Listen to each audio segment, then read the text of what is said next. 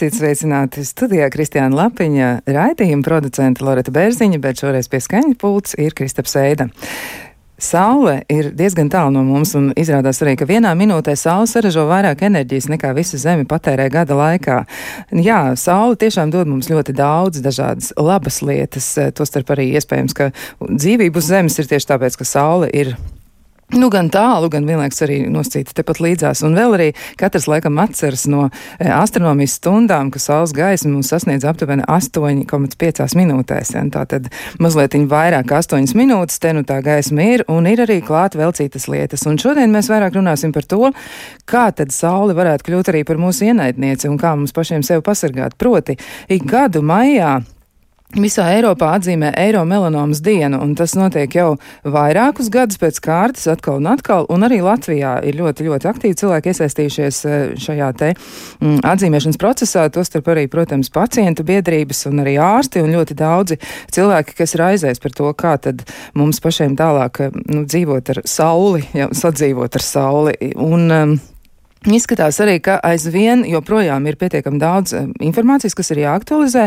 un ir svarīgi atkal un atkal runāt par melanomu, jo īpaši tātad brādas vēzi, un arī par citām problēmām, kas varētu būt saistīts ar šo visu. Un um, mēs arī mēģināsim šodien izpētīt uh, jautājumu dziļāk, un atkal un atkal jau kārtējo reizi atgādināsim paši sev, ko tad vajadzētu darīt. Esam aicinājuši studijā arī Rīgas Stradiņu universitātes asociēto profesoru, onkoloģu, ķīmiju terapeitu un imunoloģiju.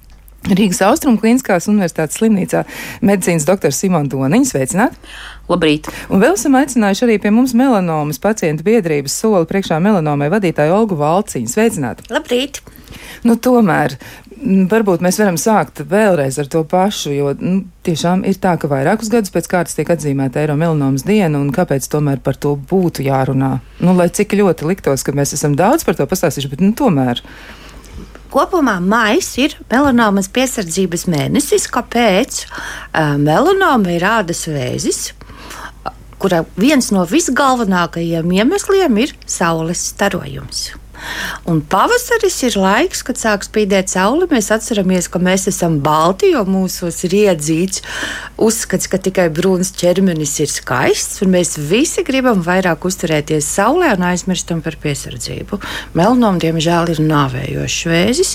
Ja neārstēta 4. stadijas melanoma ir faktiski garantēts nāves spriedums. Un tas, ko mēs visi varam darīt, ir nesaslimt, izdarīt visu, lai melanoma pie mums nemaz neatnāk, un tad mums nebūs jādomā, vai tas ir nāves spriedums vai nav. Un samazināt uzturēšanos saulē un pareizi uzturoties saulē, to var izdarīt.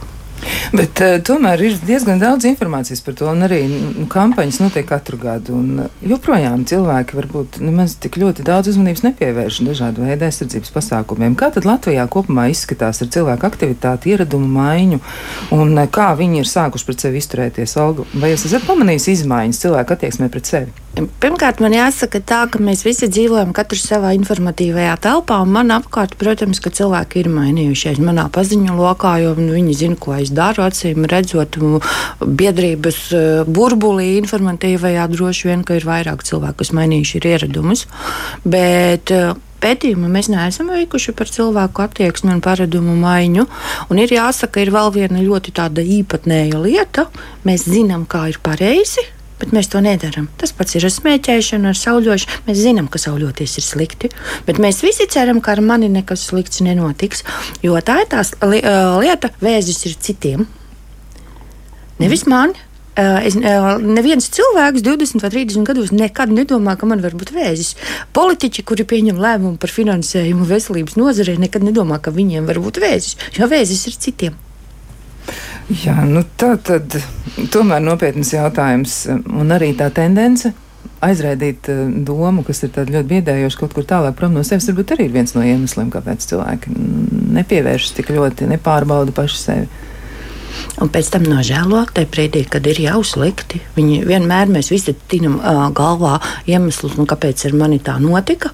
Un tad cilvēki domā, es laikam sauļojos, es tagad nožēloju, ka es pavadīju katru trešo dienu solārijā. Tā, tādi stāsti daudz dzirdēti. Un, uh, mēs pavasarī atgādinām par to, ka pirmkārt pārbaudīsim dzīvo mierīgi. Uh, Otrkārt, nedari šodien to, par ko tev rīt vajadzēs nožēlot. Tas ir par solāriem, par, neap, uh, par apzināti nepareizu sauļošanos. Pareizi sauļoties nemaz nevar, būsim, būsim godīgi. Uh, un ir jāsaprot, ko, ko es varu šodien izdarīt, lai man būtu labi rīti. Jā, profesor Valciņa, es gribētu jums jautāt, vai ir zināms Doniņa? Doniņa.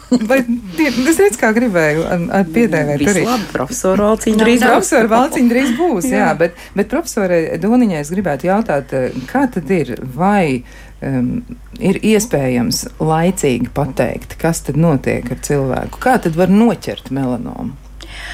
Nu, melanomu noķert, varētu teikt, no vienas puses ir viegli, no otras puses ir grūti, jo melanoma ir ādas audzējs, tad tas skaitās tās augtās vizuālās lokalizācijas audzējs pamatā.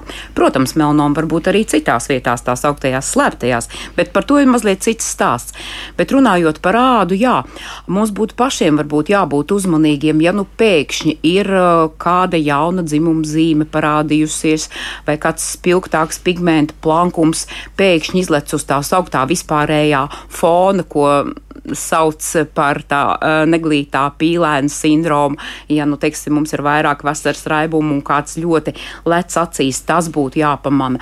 Tāpat būtu jāpamana, ja nu kāds uz mūsu ādas jau esošajiem plankumiņiem sāk mainīties vai augt, vai būtībā āda nebūtu jājūt nevienam no mums, bet ja sāk kaut kas kņudēt, niezēt vai kaut kāds diskomforts rodas, protams, tas ir jāparāda speciālistam. Un mums šobrīd Latvijā ir daudz dermatologu, kuri māca atpazīt šīs melanomas, un viņi ar dermatoskopijas metodi var ļoti precīzi norādīt, kas tad tālāk būtu jādara, vai veidojums ir novērojams, vai veidojums ir izoperējams.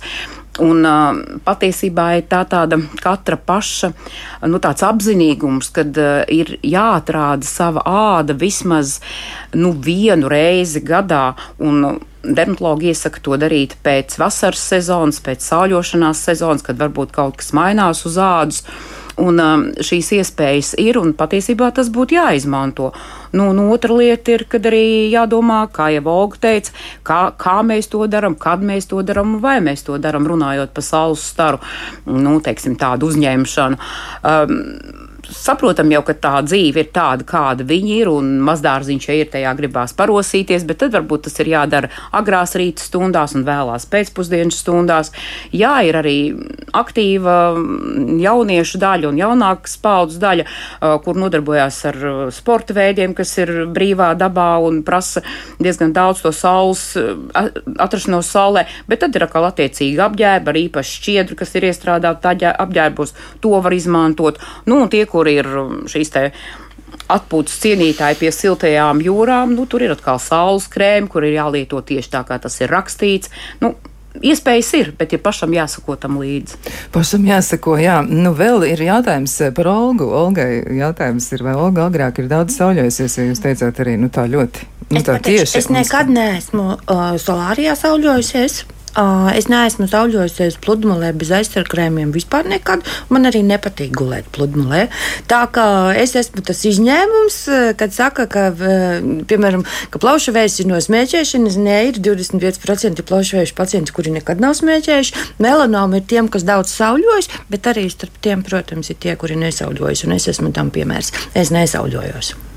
Tātad tas nozīmē, ka cilvēks var, diemžēl, arī saslimt. Tieši tad, tā. ja viņš nesauļojas Jā. un viņš ir tāds, tā. nu, tāds bālās ādas cienītājs. Jā, jo pirmkārt ļoti daudz kas ir atkarīgs arī no tādas tipa, un tad tā jau saulē, nu, kā lai saka, nu, pilnīgi bez tiem stariem mēs neiztiekam, jo, nu, katrai, nezinu, trīs kvartāls noejot pa saules pusi jau mēs kaut ko saņemam.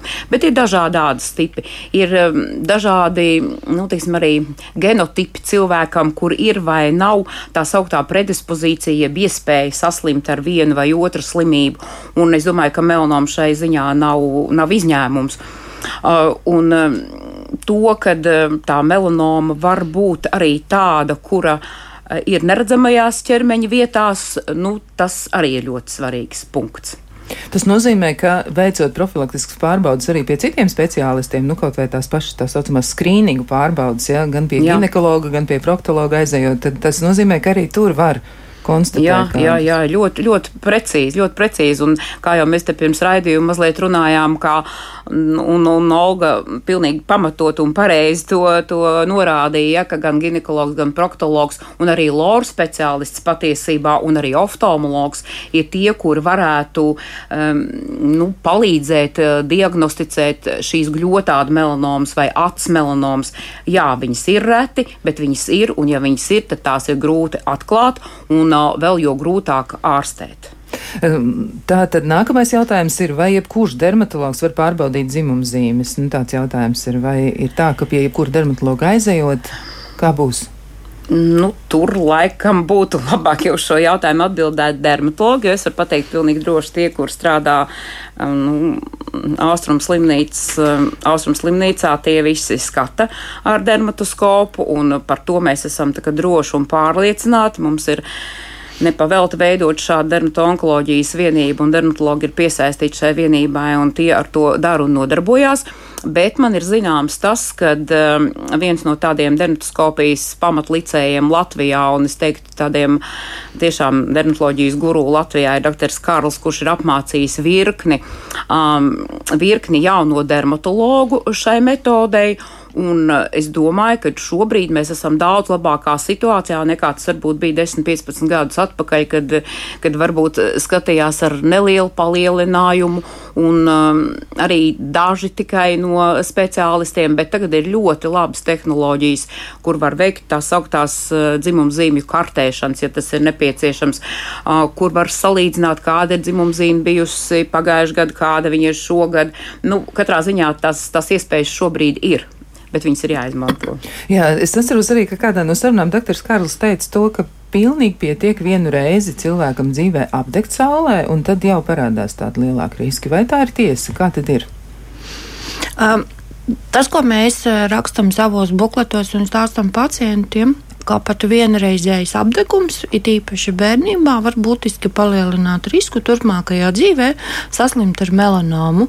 Tā ir taisnība, un pētījumi rāda, ka tā, ka tā var būt. Tāpēc it īpaši svarīgi ir pie, pieskatīt bērnus sauļošanās brīdī, jo mēs apzinātajā brīdī šobrīd izdarām izvēles par sevi. Bet bērni par sevi izvēli neizdara. To izdara viņu vietā vecāki, kuriem tajā brīdī, kad viņi paši smērējas ar krēmu pludmalē, šķiet, ka krēms satur dažādas vielas, un viņi labāk bērnu nesmērēs ar šo krēmu. Un viņi atstāja viņu vai nu apdegt, vai regulāri pārsauļoties, eh, kas jau ir palielināts risks nākotnē. Tas nozīmē, ka arī bērnam ir jāziež uh, sauļošanās, jeb pareizāk sakot, pretiedeguma krēms, un uh, varbūt mazliet cīkāk raksturot varētu krēmu, kurš tad īstenībā ir tāds, kas aizsargā, jo krēmi droši vien ir dažādi, bet tur ir arī mm, specifisks uh, vielas iekšā, un arī nu, ir tāds efekts, ja parasti ir rakstīts SPF, un tad, nu, tad jā. ir tas cipars. Jā, SPF filtri nozīmē to, cik daudz kaitīgā starojuma tiks aizturēts. Lielākais no lietojumiem šobrīd ir SPF 50 ko pieaugušiem cilvēkiem ar bālu ādu iesaka lietot uz atklātajām ķermeņa daļām, it īpaši vasaras sākumā, bet bērniem SPF 50 ir parastais regulārais krēms, kuru viņiem lieto vienmēr, un uz visām tām ķermeņa daļām, kuras ir atklātas. Ja ir paredzēta gara pastaiga, svaigā gaisā, gar jūru vai vēl kaut kur, arī bērniem ir jā, jāies šis e, pretiedeguma krēms ar SPF 50. Tā tad to mēs nopērkam, turam sev blakus, jau nesam somiņā līdzi vai, vai kaut, kaut kur vēl ieliekam, lai mums tiešām tas ir vienmēr līdzās. Mm, vēl ir arī jautājums par to, kā tad ir ar sauli. Sauli izraisa gan balto, gan melno audzēju, un, un tas ir viens jautājums, ja, nu kā to atpazīt. Nu, nu, tā vienkārši runājot, ne, nu, ja baltais melnēs. Nu jā, baltais melnēs. Uh, nu, diemžēl melanoma arī var būt balta. Tas ir tas krēņķis, jā, lielākais. Varbūt pat um, pa tiem citiem audzēju veidiem tur tas nebūtu tik ļoti un tik daudz. Jā. Uh, mums uh, šobrīd uh, nikni jāapspriež, jo um, gan plakanšu un gan bazāšu un audzēju tie ir vieglāk ārstējami un uh, arī viņiem ir mazāk tendence izplatīties, jeb metastazēties. Bet, protams, saules starojums ir nozīmīgs kā vienā tā otrā gadījumā. Un, nu, te jau mēs arī nonākam pie tā, ka jā, tas ir viens no ļoti atzītiem un, jāsaka, tā kancerogēniem numur viens šajā, šajā kontekstā, jā, bet mēs redzam arī, atkal gribu piesaukt augstu gadījumu, jā, kad ir arī tā, ka jā, tu vari nebūt saulē un tas, tas, tas var attīstīties. Tad, tad vēlreiz un vēlreiz uzmanīgi jāskat ir viss sava āda un tomēr jādodās ir pārbaudīt ja kaut kas šķiet aizdomīgs, un arī tad, ja nekas nešķiet aizdomīgs, āda ir jāapskata. Jā, bet jūs pieminējāt to vienu no galvenajiem aspektiem, vai kritērija neglītā pīlēna sindroms. Ja? Jā, tāds ir. Jo tas bieži, bieži vērojams, nu, varbūt tā kā jau vecāku gadagājumu cilvēkiem, mazliet, ja varētu teikt, tā mūža otrajā pusē, kad rodās vēl dažādi citi tādi pigmentu plankumi uz ādas, un kas ir sāļošanas ietekme, kas ir vielmaiņas ietekme vai kādu citu procesu ietekme. Un tad ir tā, ka tā āda, teiksim, ir tāda parāēba, ja tā varētu teikt, un pēkšņi kaut kas ir tāds, kas tev tūlīt iekrīt acī. Un ja tas tā ir, tas ir noteikti jāiet tūlīt pārbaudīt. Un reizēm patiesi tā arī var atklāt. Uh, agrīni, ļoti agrīni šūnas, kas ir jau, jau sākušas transformēties. Jau, tā, kā... tad jāpievērš tam uzmanību. Noteikti. Nu, rekā, jautājums arī par to, tad, eh, cik augsts SPF bērniem nepieciešams vasarā atpūšoties siltajās zemēs, piemēram, Grieķijā. Nu, 50, 50. 50, jā, tas ir. Jā. Labi. Vēl arī ir um, klausītāji raksta vienu, viņi, viņi saka tā, ka viņi no precāles krēmiem ir stipri niez, bet tomēr viņi piebilst labi, labi, beidzot atrada, bet cik naudu neiztērēja. Nu, protams, dažādas reakcijas varētu būt, tas ir skaidrs. Es, es jums pateicu, attiecībā uz naudu ir ļoti vienkārša filozofija. Um, jā, precaules krēmi maksā naudu, un vasarā mēs iztērēsim daudz. Bet lūdzu, neaizmirstiet, ka medicīna Latvijā teorētiski ir par brīvu, bet praktiski ir jāmaksā par ļoti daudz ko. Mēs šobrīd vācam naudu vienai pacientei, palīdzam savākt naudu ārstēšanai, zālēm, kuras vēl Latvijā nav apmaksātas, un tie nav tūkstoši, tie ir desmiti tūkstoši. Tas nozīmē, ka, tas krēms, nozīmē, tas ka krēms atmaksājas. Tas ir ieguldījums savā veselībā, tā skaitā finansiāls. Tā ka tas atmaksājas pilnīgi noteikti. Man ir jautājuši cilvēki, bet jums tagad ir visa zāles melanomai. Priekš kam tad man kaut ko piesargāties, es dabūšu zāles un izārstēšos? Ir jāatcerās, ka ar visām mūsdienu zālēm, par kurām divi ārsti pirms dažiem gadiem saņēma Nobel prēmiju, tik labas šīs zāles ir, var izārstēt 50% pacientu. Tā tad rezultāts ir, bet nav tāds, ka mēs varam droši paļauties uz, ne. uz to, ka mēs varam sauļoties ja, un, un, un darīt lietas, kas ienāk prātā. Nu, vēl ir arī tāds tieši jautājums, bet, ja gribas pasauļoties, tad cik ilgu laiku drīkst pavadīt saulītē vispār, vai ir šāds nosacījums? Nu, es tur varbūt tādus īpašus pētījumus tur lasījusi neesmu, bet. Tas, ko varētu teikt no prakses, es domāju, ka viens 15, 20 minūtes nekaitēs, bet man liekas, ka galvenais ir tas laiks. Ja tas ir rīta puses un pēc tam pēc visdrošāk jau pēc kādiem pieciem vakarā, jo šobrīd kaut kas ir noticis, jo man jau ir teiksim, tā, pietiekoši daudz gadu, lai es atcerētos, kā bija iepriekš, tad, kad man tiešām nešķiet, ka tā saule tik ļoti nededzina un nekarsē. Bet tagad ir tāda sajūta, ka tu esi saulē, tev pilnīgi dedzina, līdz ko uznāk ēna, tev uzreiz jau ir tā tāds drebuls. Ja? Tad, tad acīm redzot, kaut kas iespējams ir mainījies arī visos tajos atmosfēras slāņos. Un, manuprāt, prātīgāk būtu tiešām tās aktivitātes plānot uh, rīta pusē un pēcpusdienā, un tad, nu, pa to dienas vidi, nu, kā jau minēju, tad ir jānodrošinās ar visu, ko sākot ar krēmiem, beidzot ar attiecīgiem apģērbiem un minimi, minimizēt to laiku, kad, nu, mēs tur esam. Bet, nu, viens 15, 20 minūtes, protams, nekādu milzu skādu nenodarīt, manuprāt. Jā, labi, tad, uh, nu, tā ļoti īsi mirklīti un labāk pēcpusdienā, bet um, vēl ir arī jautājums uh, par to, nu, kad katra dzimuma zīmīte vai izaugums, kurš ir, ja to pārbauda, tad tas maksā nu, kaut kādu noteiktu naudas summu, un katra tāda regulāra pārbauda maksā daudz. Plus vēl arī nu, jautājums ir par to, vai pašai ir jānorāda, piemēram, pacientai vai, vai cilvēkam, ja viņš jā. dodas, vai kuru tad viņš gribētu pārbaudīt. Kā tur īsti ir? Jā, pirmkārt, es gribu pateikt, ka uh, mēs šogad īpaši aicinām veikt ķermeņa pašpārbaudes. Mēs rīt arī prezentēsim jauno bukletu par to, kā pareizi to darīt, bet attiecībā par dermatologu vizītēm. Tas ir īpaši tāds, jūs pirms tam jautājāt, vai var iet pie jebkura dermatologa, un mēs sakam, nē, nevar. Jo dermatologu starpā arī notiek iekšējā specializācija. Vairāk ir eh, daži strādā tikai uz skaistumu kopšanu, uz neonkoloģiskām slimībām. Dažiem nemaz nav praksē viss vajadzīgais aprīkojums, lai strādātu ar rādas audzējiem.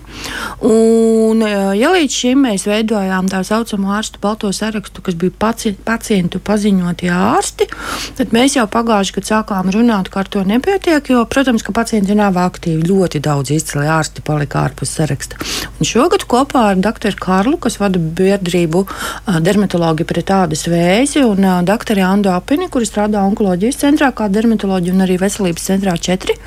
Mēs kopā veidojām tā saucamo labās klīniskās prakses vadlīnijas tieši ārstiem, kur ir noteikts, kam ir jābūt praksē, kam ir jānotiek dermatologa vizītē. Ja pacientam pie dermatologa ir pašam jāparāda, man lūdzu pārbaudiet šo vienu dzimumzīmi, un dakteris vairāk neko citu nedara, no tā ārsta ir jābēg prom. Tas nav pareizi un tā nav forši. Ja pacients ir atnācis pirmo reizi pārbaudīt savu ādu, un ārsts pārbauda tikai to, kas pacientam pašam ir aizdomīgi, tas nozīmē, ka tur nav viss kārtībā ar specializāciju. Uh, ādas onkoloģijā. Un tieši tāpēc ir šīs e, prakses vadlīnijas, kurām ārsti paši var pievienoties un pateikt, jā, es arī tā strādāju, un tad mēs šo ārstu sarakstu publicēsim mājaslapā. Bet jūs minējāt bukletu. Kur buklets būs atrodams? Buklets būs atrodams mūsu biedrības mājaslapā. Mēs nelielu daudzumu nodrukāsim arī papīra veidā, bet tas parasti mūsdienās vairs nav efektīvi. Pietiek ar elektronisko eksemplāru, kas būs brīvi pieejams. Un par ārsta vizīti lielākajā daļā klīniku, cik mums ir zināms, par katru ādas veidojumu dermatoskopiju papildus naudu neprasa. Parasti ir vai nu divas manipulācijas, kā ārsta vizīte plus ķermeņa pārbaude. Mēs visiem sakām, tā mums šogad, mēs šogad saņemam ļoti daudz zvanu, vai būs bezmaksas vizītes, piemēram, tur Ventspilī vai Jēkabpilī. Jā, darbu dēļ, Covid dēļ mēs iespējams sākām strādāt vēlāk. Un es visiem saku, ja jums ir kaut kas aizdomīgs, neatlieciet. Ir daudz dermatologu, kuri strādā arī ar valsts finansējumu, ar ģimenes ārsta nosūtījumu. Diemžēl dermatologi nav pirmās piekļuves ārsti, kur var tāpat iet bez nosūtījuma, ir jāpierakstās, jābūs jāgaida. Rīgā tie var būt daudzi mēneši, bet ja ir kaut kas aizdomīgs, bet vēl neniedz, pierakstieties un gaidiet, ja jums nav naudas maksas vizītē. Maksas vizītē jārēķinās vidēji ir 50 eiro. Aptuveni tā, tad, eh, nu, tāda summa būs, bet notiek atkal salīdzinot droši vien ar ieguldījumiem, kas pēc tam būtu nepieciešami, ja gadījumā izrādās kaut kas nelāks. Es, tiem, kas man nav, šopavasar zvana un saka, sakiet, kad būs un kur būs, es visiem saku, ja jums niez vai jau nedod Dievs asiņu, un tādi zvani man arī ir bijuši, ejiet tagad, ejiet pie ģimenes ārsta, dabūjiet norīkojumu uz onkoloģijas centru, jo tas ir zaļais koridors ar ģimenes ārsta norīkojumu, un jums būs par brīvu un uzreiz. Vēl var droši vien arī palūgt kādu palīgā, lai paskatās, kas notiek, piemēram, uz muguras. To jau var arī lāga neredzēt. Nu, protams, protams, jā. Pašapskat vai pašizmeklēšana ir būtiski, bet tikpat būtiski ir, lai kāds no uh, tuvajiem mīļajiem paskatās, kas tad notiek tajās ķermeņa daļās, ko tu pats varbūt nevar saskatīt. Tas ir būtiski, jā. Vēl jautājums arī, vai bērniem var būt ļaundabīgas dzimumzīmes un vai var attīstīties melanoma? Nu, varbūt, nē, nu, bērniņiem ir melanoms, cik man ir zināms, tie ir daži bērniņi katru gadu, un Bērnu klīniskā universitātes slimnīca ārstē šos bērniņus.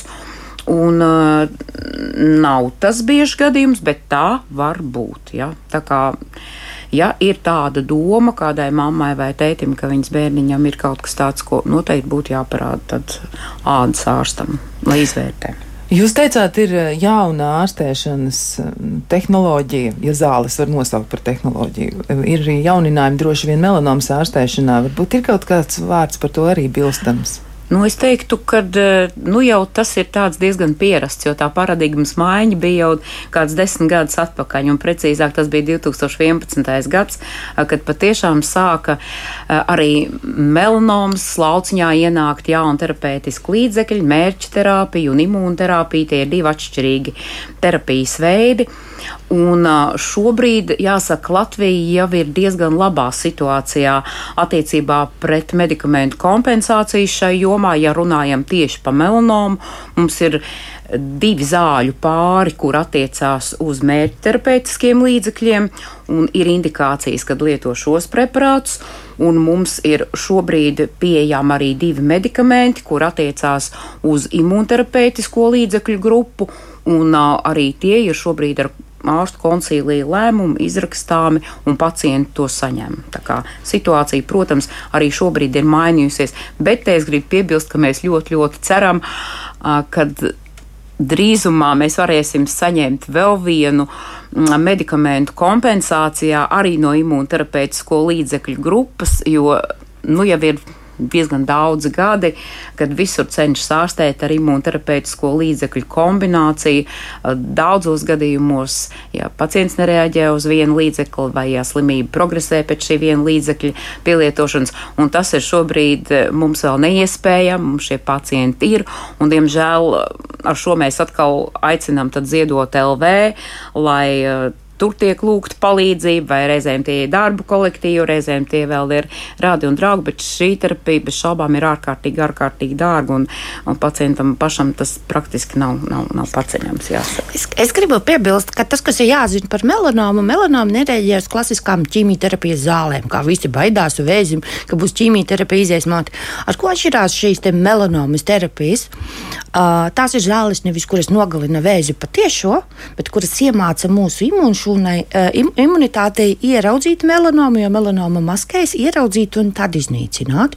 Un tā ir tā, tā lielākā atšķirība, kas ir jāsaprot, ka melanomas pacienti arī tie, kuri ārstēs, bieži vien izskatās ļoti labi. Viņi satriecoši izskatās, jo viņiem nenoiet mati, viņi nevemi, ja viņiem var būt citas blaknes, bet tas, tas ir jāsaprot, ka šis ir atšķirīgs audzējs tieši ar to, ka viņam parastā ķīmijterapija nu, nestrādā. Tad, ja jūs ļausiet vēl arī man piebilst, tas ir viens no veidiem, ko teica Olga, kad mēs mēģinām iedarbināt savu imūno sistēmu tā, lai viņi strādātu, bet tur ir mazliet cita nelaime. Jo tad mēs tā kā iespiežam gāzi grīdā pilnībā, un tad gan nāk virkni blaknes, pa kurām ir ļoti jābūt uzmanīgam. Uh, Tas ir vieglāk, jā, kā ķīmija, bet nu, arī tas nav tik nevainīgi. Ar to es gribu teikt, ka tur arī ir jābūt uzmanīgam.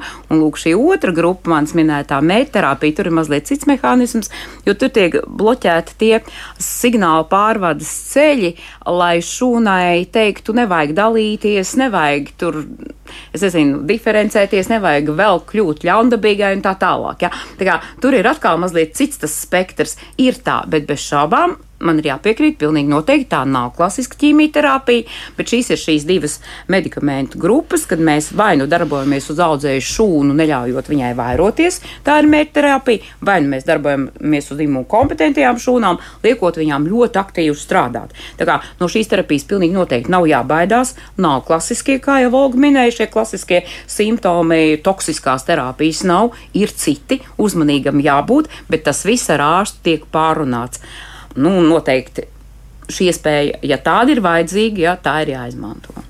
Jā, pilnīgi noteikti. Nu, vēl jautājums no klausītājiem, vai niezoša dzimuma zīme eh, vienmēr liecina par ļaundabīgām izmaiņām, un vai var niezēt vesela normāla dzimuma zīme? Nu, tā it kā pretruna, jā, vesela normāla dzimuma zīme, bet tomēr niez. Es, es teikšu tā, ka ar jebkuru niezošu, kņudošu, man tās bija tā, tā, skud, tā kā skudriņas pa kāju augšā skrēja, arī e, ir jāskrien pie dermatologa. Aizskrien, pārbaudi, ja viņš pateiks, ka tas nav nekas un tur niezis tavi nervi vai vēl kaut kas ļoti labi, bet ir jāskrien tikko niez, tā ir, tā ir nelaba pazīme, un labāk ir aiziet un nomierināties, nevis zvanīt uz radio. Tieši tā, jo varbūt arī labā ziņa, ka tur nekā slikta nav.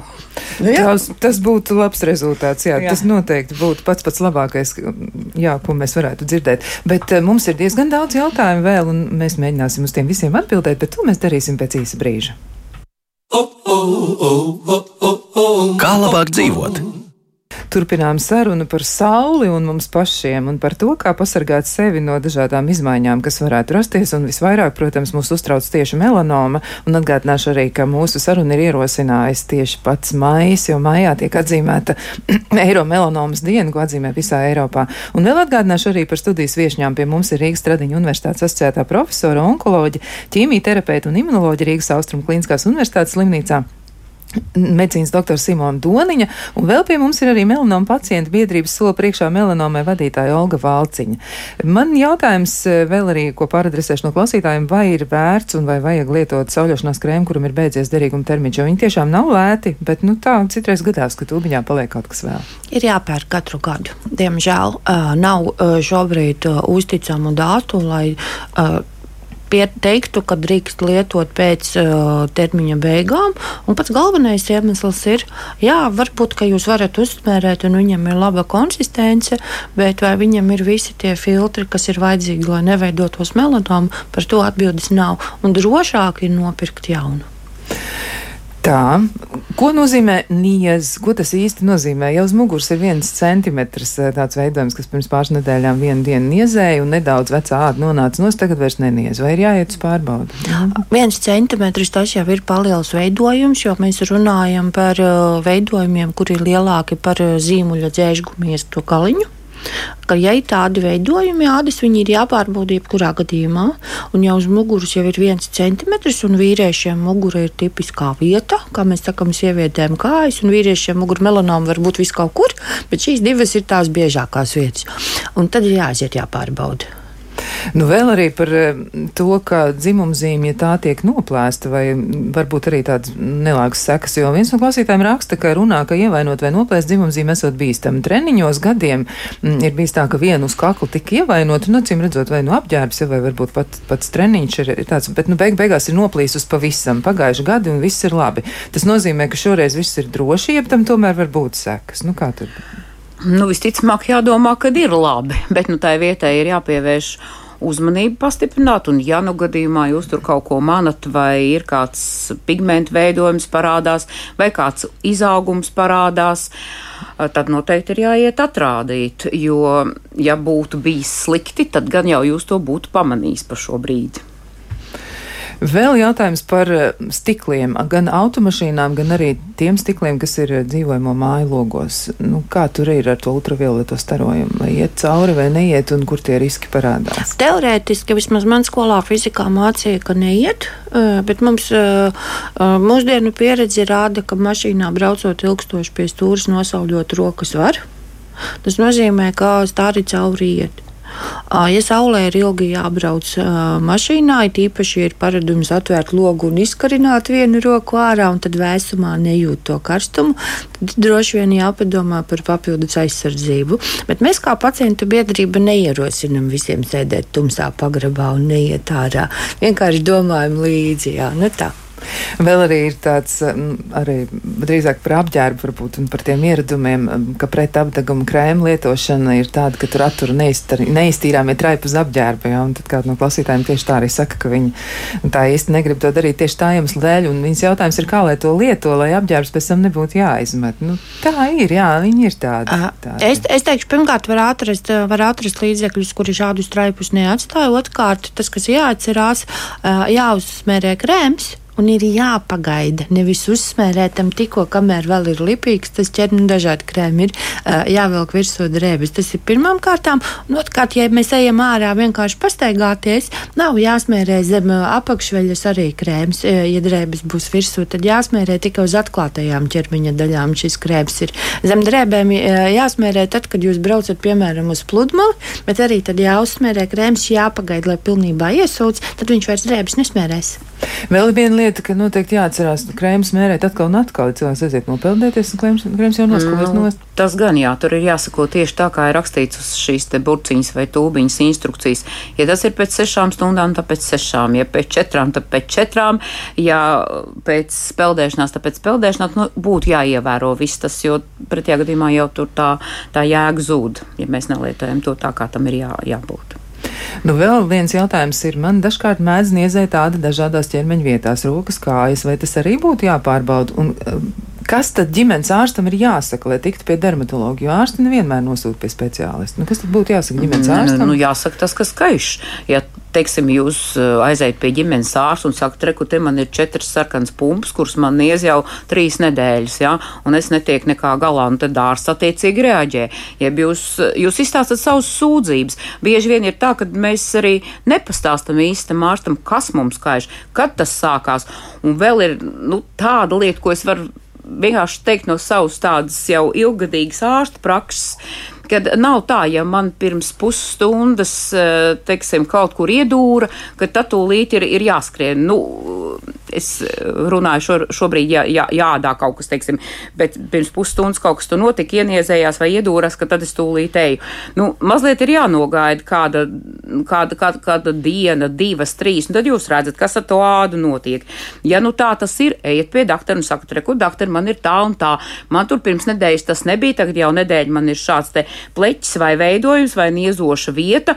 Nu, apskatat, protams, ģimenes ārsts, nu, viņš nevar būt absolūti visu zinošs, ja? viņš var apskatīt, viņš var, ja ir viņa kompetences robežās, tad viņš pieņem lēmumu, teiksim, kā to ārstēt, darīt vai novērot, un ja ir tā, ka šo lēmumu ģimenes ārsts nevar pieņemt, tad viņš nosūta pie speciālista. Nu, tā tam būtu jābūt. Jā, mums ir arī klausītājs zvans. Tūlīt mēs arī varēsim aprunāties. Jā, mēs klausāmies. Sakiet, kas uz sirds? Mēs jūs dzirdam. Halo! Jā, lūdzu. Halo! Es arī gribēju eh, pateikt par ādas ārstiem. Eh, Jūs jau tur skaisti un jauki runājat. Es arī biju pie ādas ārsta, ja, un, nu, kaut kāda krevilīte tur sejas un tā, un bija doktors Karls, nē, bet eh, pasakiet otram eh, doktoram ar īsu uzvārdu. Karls, nē, bet arī viens no galvenajiem dermatologiem. Nu, nezināšu droši vien, bet stāstiet to pašu nu stāstu. Kas tam? nezināt, kā tā nu nezināt? Nu labi, lai nezināt, bet otrs. Un es biju tur kabinetā 5 minūtes, viņš paskatījās man vecuma dermatīts, un tad vēl trīs reizes runājās pa telefonu to 5 minūšu laikā. Ne kaut ko viņš man nesniedz nekādu padomu, neko, un tā es samaksāju 40 eiro un aizgāju. Jā, nu tā Nezinu, ne. par ko es samaksāju, es nezinu. Jūs jau tur skaisti runājat, bet īstenībā nemaz tā nav, es jums pateikšu. Jā, paldies par jūsu ziņu. Nu, mēģināsim arī varbūt pa- par to mazliet parunāt. Nu, kā tad ir? Nu, citreiz- es varbūt, es varbūt eh, pieredze. teikšu no savas tās profesionālās cūnas biedriem. Ja? Nu, redzat, ir, ir tā, mm, ir ļoti dažādas situācijas. Un, um, ne tikai ārsta darbā, bet man gribētos teikt, arī daudzās profesijās cilvēki arī, diemžēl, ir ļoti dažādi, ar ļoti atšķirīgu attieksmi pret savu darbu, ar ļoti atšķirīgu atbildības sajūtu. Un, um, ir ļoti daudz dažādu faktoru, ko mēs te varētu minēt, kāpēc tas tā ir izveidojies. Bet vienu, ko varbūt es gribētu arī teikt tādai nu, mūsu, mūsu profesijas aizstāvībai, jo pat tiešām tā pārslodze ir nu, milzīga, kādā ir jāstrādā ārstiem um, šobrīd, jo ārstu trūkst, viņi ir uh, varbūt arī jāsaka tā, diezgan neproporcionāli sadalījušies pa mūsu valsti, un tur tie krēņķi ir daudzi. Bet tas nav attaisnojums, protams, lai neapskatītu pacientu, lai neuzklausītu pacientu un lai neizrunātu tās problēmas, kāpēc šis cilvēks pie mums ir ieradies. Ja? Tāpēc attaisnojumi, protams, tādai, nu, varētu teikt, paviršai attieksmei nav, un tāpēc es aicinātu visus pacientus tomēr varbūt uzstājīgāk stāstīt par tām savām lietām, pievērst vēlreiz ārstu uzmanību un teikt, bet doktor, man tomēr ir tā, bet varbūt doktor vēl paskatāties uz šo. Un uh, mazliet varbūt arī kā reizēm ņemt to iniciatīvu tādās savās rokās. Ja ārsts nevēlas ar jums runāt uh, tik daudz, kā jūs to gribētu, prasat vēlreiz, uzdodat vēlreiz šo jautājumu. Un varbūt, ka tad arī tas rezultāts būs labāks, un varbūt tad arī mans un tas biedri vairāk ieklausīsies, un mēs arī būsim tādi, nu, nu vairāk atbildīgāki. Ja? Katrs pret to pacientu, kurš ir atvērs mūsu kabineta durvis. Nu, varbūt Olga var skatīt no savu viedokļa kaut ko vēl, bet Te- situācija ir tāda. Jā, te ir divas lietas. Jā, ir ārsti, kuri nespecializējas onkoloģijā, ir ārsti, kuriem nu, tīri cilvēcīgi varbūt viņam tajā dienā bija slikta diena un nebija laika. Viss kaut kas varbūt, kāpēc viņam bija tie zvani vizītes laikā.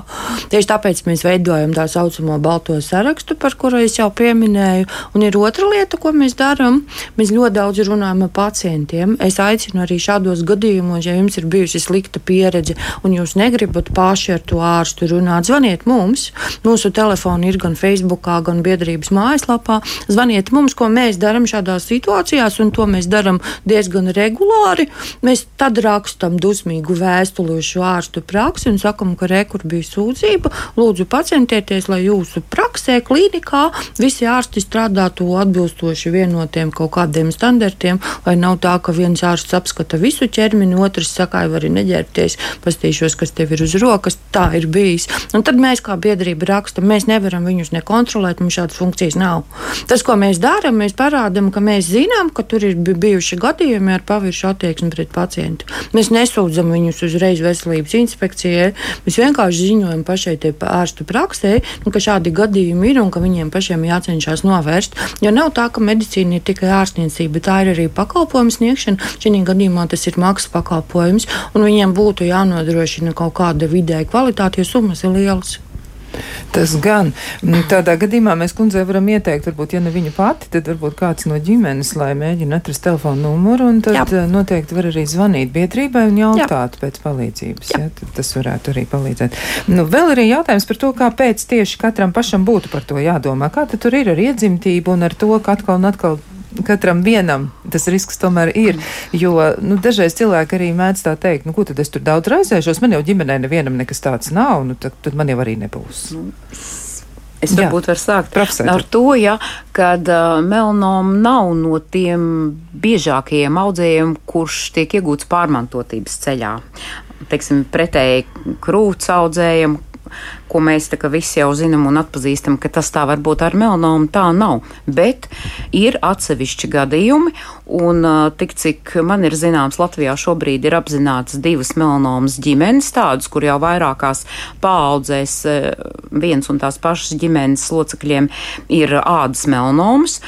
Un tur ir konstatēti mm, dažādi gēni, kuros ir, ir, ir, ir veidojušās mutācijas, bet uh, gribētos teikt, ka uh, tā, tas nav biežs audzējs, kurš šādi tiek uh, iegūts. Pamatā tomēr viņš attīstās dzīves laikā, un uh, tad jau mēs runājām par šiem te kancerogēniem un tā. Nu, Og, es tikai varu piebilst, ka mūsu nu, biedrība arī ir viena ģimene, kur ir gan mammai, gan meitai, bet viņām nav šo gēnu. Tātad tas nav saistīts tieši ar iedzimtību. Tur ir kaut kādi citi faktori nostrādājuši, kāpēc viņām abām ir. Jā, mums vēl ir klausītais zvani. Mēs klausāmies, lūdzu. Es vēlos pavaicāt, ko speciālistas saka par tādu lietu kā šo kārtveidīgo dzimumzīmju, kas ir kārpa kā melna poga, mehānisku izoperēšanu pirms vispār kaut kādas melanomas pazīmes. Ko jūs sakat par mehānisku noperēšanu tādām lietām? Paldies, paldies. paldies. Nu, es vēlētos teikt tā. Jebkurš veidojums sākotnēji tiešām tiek apskatīts, un tikai tad tiek pieņemts lēmums, vai viņš ir jāoperē. Uh, Un, es ieteiktu jums tomēr šo jautājumu izlemšanai atstāt speciālistu rokās, tādu dermatologu rokās, kurš uh, atpazīst tādas veidojumus, un jūs jau dzirdējāt par šiem uh, potenciāli veidojumiem baltajiem sarakstiem un uh, painteresēties, um, kurš dermatologs veic šo te dermatoskopijas procedūru, un tad jūs varat kopēji pieņemt lēmumu, vai tas ir jāoperē tūlīt, vai jūs to varat darīt varbūt pēc nedēļas vai pēc mēneša, bet katrā ziņā uh, atbrīvoties no aizdomīga veidojuma, manuprāt, tas ir saprātīgs solis. Jā, ir vēl kāds klausītājs zvans. Sveicināti, mēs Halo. klausāmies. Jā, mēs jūs dzirdam. Halo. Mēs jūs dzirdam, lūdzu. Halo. Jā. Labdien, atvainojos. Jūs teicāt, lai piezvan, lai zvan uz jūsu telefonu, paskatoties tur un tur. Man ir tikai mobilais telefons, 84 gadi, dzīvoju vien. Es, ja tik laipni, pasakiet man telefonu, kur zvanīt, jo man zem padus ir niezoša melna pumpa. Labi, mēs tā tad mēģināsim arī to situāciju uzreiz risināt. Nu, tad eh, jāmeklē būs biedrības mājaslapa.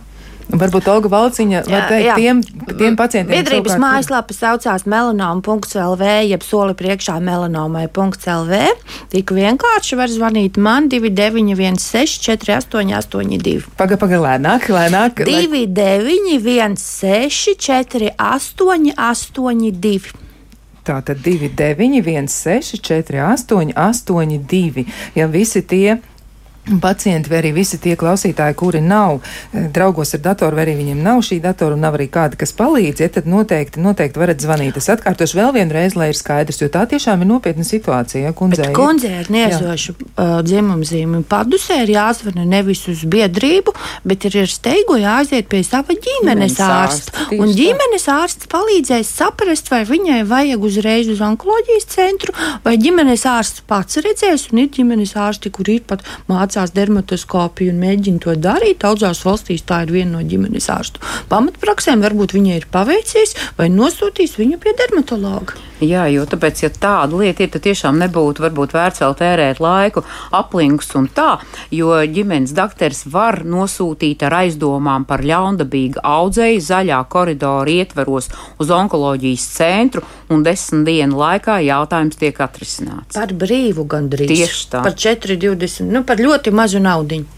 Jā, nu rekā, nu tad noteikti arī vēl vienai klausītājai ir jāizmanto iespēja sazināties varbūt pat ar savu ģimenes ārstu un iespējams arī varbūt arī ar onkoloģijas centru katram gadījumam, jo viņi raksta tā, ka Nu, pat pēc jūsu ieteikuma centos maksimāli ātri tikt pie ārsta, jo man ir niezoša dzimuma zīme.